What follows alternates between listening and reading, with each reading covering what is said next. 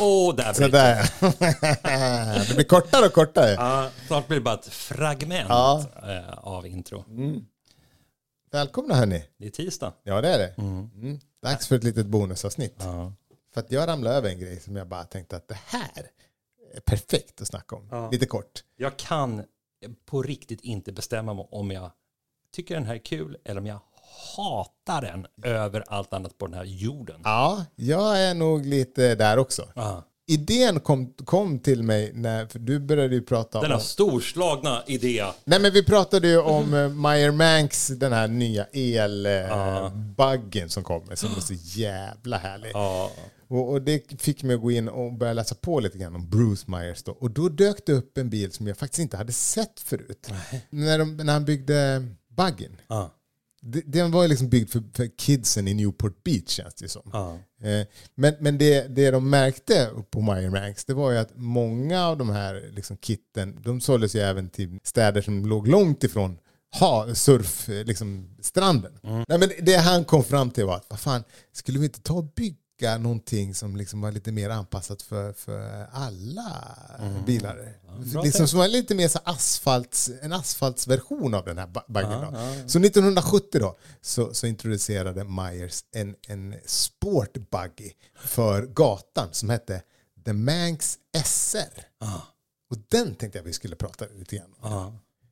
Alltså det, man kan ju inte annat än älska den här idén. Ja, Det- idén är det inget fel på. Det är den mest beprövade bottenplattan i världshistorien. Ja, Så här. P- prove, point proven, Ja. man. Om man vill stamma. för den är precis som buggen är byggd på, på liksom Ja, det är folka-chassit. samma lika. Allt Ja. är samma lika. Och jätteenkel att bygga och billig. Men istället så har de gjort en Targa-kaross med contouch-dörrar. Som då är liksom, ja, man är skyddad mot väder och vind. Ja. Och, och den ska då... Ja, det är Targa-luckor ovanpå taket. Och Ja, och sidorutor. Och sen är det ett bagage fram också. Ja. Där, där du kan stoppa ner till grejer.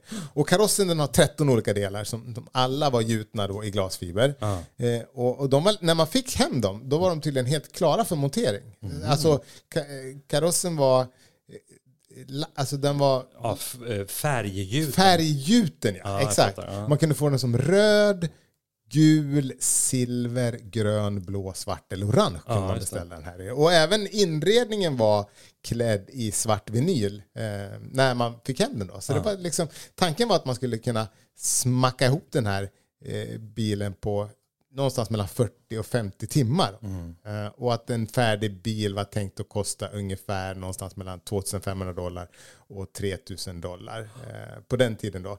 Själva kittet kostade 1970 867 dollar och det motsvarar ju ungefär 6400 dollar idag minus själva inköpet för Folkan då. Så att den var inte jättebillig men inte jättedyr heller. Problemet, om man nu ska prata problem, Och det ska man ju. ja, det är att bakifrån så är den här inte jätteful. Den har något eh, Volvo P-väskt över sig, inte eh, jättemycket. Men dörrarna är ju eh, formmässigt, om man bortser från att den inte har några sidorutor, men så är dörrarna formmässigt en total rip-off på Contouchen. Alltså det, den är exakt samma form som, som Contouch-dörrarna. Men framifrån, där är det ju som att allting sket sig. Det, den ser ju ut som...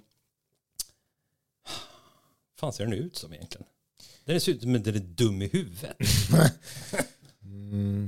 Är du med mig? Lyserna sitter ju helt vindökt ihop som en grod bajskorv. En, en, en, ja, en bajskorv som en groda har lagt. Det jag sk alltså skulle man, nu är ju de här så unika, det finns inte så många, men det skulle vara kul att, att gå liksom all flake, alltså bygga en show historia av den här. Men jag håller ju med dig att i sitt originalutförande så är den inte jättesnygg.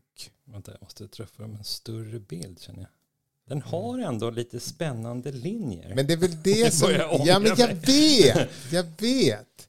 Det, det är ju, det är ju eh, den har en, en kantlinje där framskärmarna sitter ihop med dörrarna. Ja, där har, finns det en designlinje som är lite spännande. Men problemet är ju att original Meyer Manx eh, buggen, 60 66 buggen, den är så fullständigt fulländad i formen, i designen. Mm. Medan den här... äh, Den här känns inte som en riktig bil medan buggen känns som en, det är liksom ett eget väsen på något Ja, sätt. buggen känns som att så här, okej, det är en bildesigner som har ritat Ja. den här. Den här är mer att det här är ägaren som har fått storhetsvansinne som har Eller- ja. ritat den själv.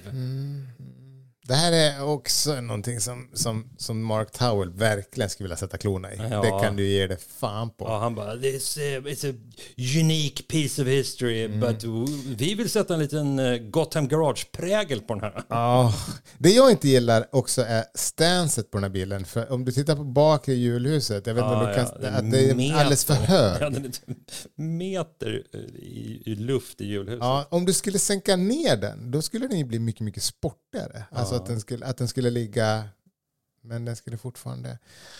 Sen var det, tanken med de här var ju då att, eh, ja, eh, med stockmotorn på, från Folkan på 40 hästar, och eftersom den här väger bara 700 kilo så, så, och ganska slick aerodynamik så, så skulle det bli en ganska liten och snabb och rolig bil. Men sen så uppmanade de även i bygginstruktionerna att om du trimmar upp då din, din Folka motor till 75-80 hästar, då skulle den här lilla bilen få en topphastighet på 160 knyck. Och det är ju mycket för en sån här. Och det känns som en dödsfälla nästan. Ja, Skulle du vilja köra 160 i den här? ja, om jag hade någon form av death wish. Ja. 200 stycken producerade eh, eh, Myers Inc. Jag sa, förlåt, Mm. jag var tvungen att googla en grej. Jag, jag, jag tror jag sa eh, Volvo PV bakända. Det, det var inte det jag menade. Jag menar P1800. Jag tror att det beror på att den har eh, P1800 baklysen. Mm. Kan det stämma? Jo, det är fan med P1800. Nej, det vet fan. Men det är nästan. Ja. Eh, Det skulle kännas som ett väldigt svårbyggt kit om du prompt behövde ett par P1800 baklysen. Jo, men Du det, får väl sätta på vilka baklysen du vill, tänker jag. Okej, nu ska vi, nu måste jag googla det. Ja, men bilen jag har, det ser inte alls ut som ett par P1800. Men du, du ser, hela du ser lite konstigt ut. Hur som helst, 200 stycken producerade Myers och sen tror jag ungefär lika många, eh, 200 till tillverkades av företagen som sen köpte gjutformarna efter att Myers hade lagt ner tillverkningen. Eller lagt ner eh, hela företaget. Mm. Och de här bilarna kan dyka upp om man eh, let, eh, alltså på lite auktioner och försäljningssidor i USA. Om man, de, de, är- det är inte helt omöjligt. Och, och tydligen så ska priset på de här idag variera någonstans mellan 1500 dollar upp till 10 000 dollar. Så att, eh, men jag, om jag har förstått, om jag gjort min hemläxa rätt, så tror jag att en körbar, orenoverad men komplett sån här idag går nå, kostar någonstans mellan 3 000 till 6 000 dollar. Så det är fortfarande en billig, billig bil. Och det tror jag har att göra med att den faktiskt inte är så snygg. Nej, den är, ju, den är faktiskt vidrig. För eftersom det bara tillverkats 400 stycken och av 200 av de här är äkta Meyer så borde den vara dyrare. Ja, I bråkdelen av en sekund så tänkte jag så här, har den någonting? Men den har inte det. Ja, fast någonting har den ju eftersom du inte kunde bestämma dig. Ja, eller någonting har den därför att vi eh, har ägnat 15 minuter åt att prata om den. Ja, Men vi kanske inte ska prata så mycket mer om den. jag tror vi stänger den här boken för alltid. Jag tror vi gör det. Tack för att ni har lyssnat. Hej!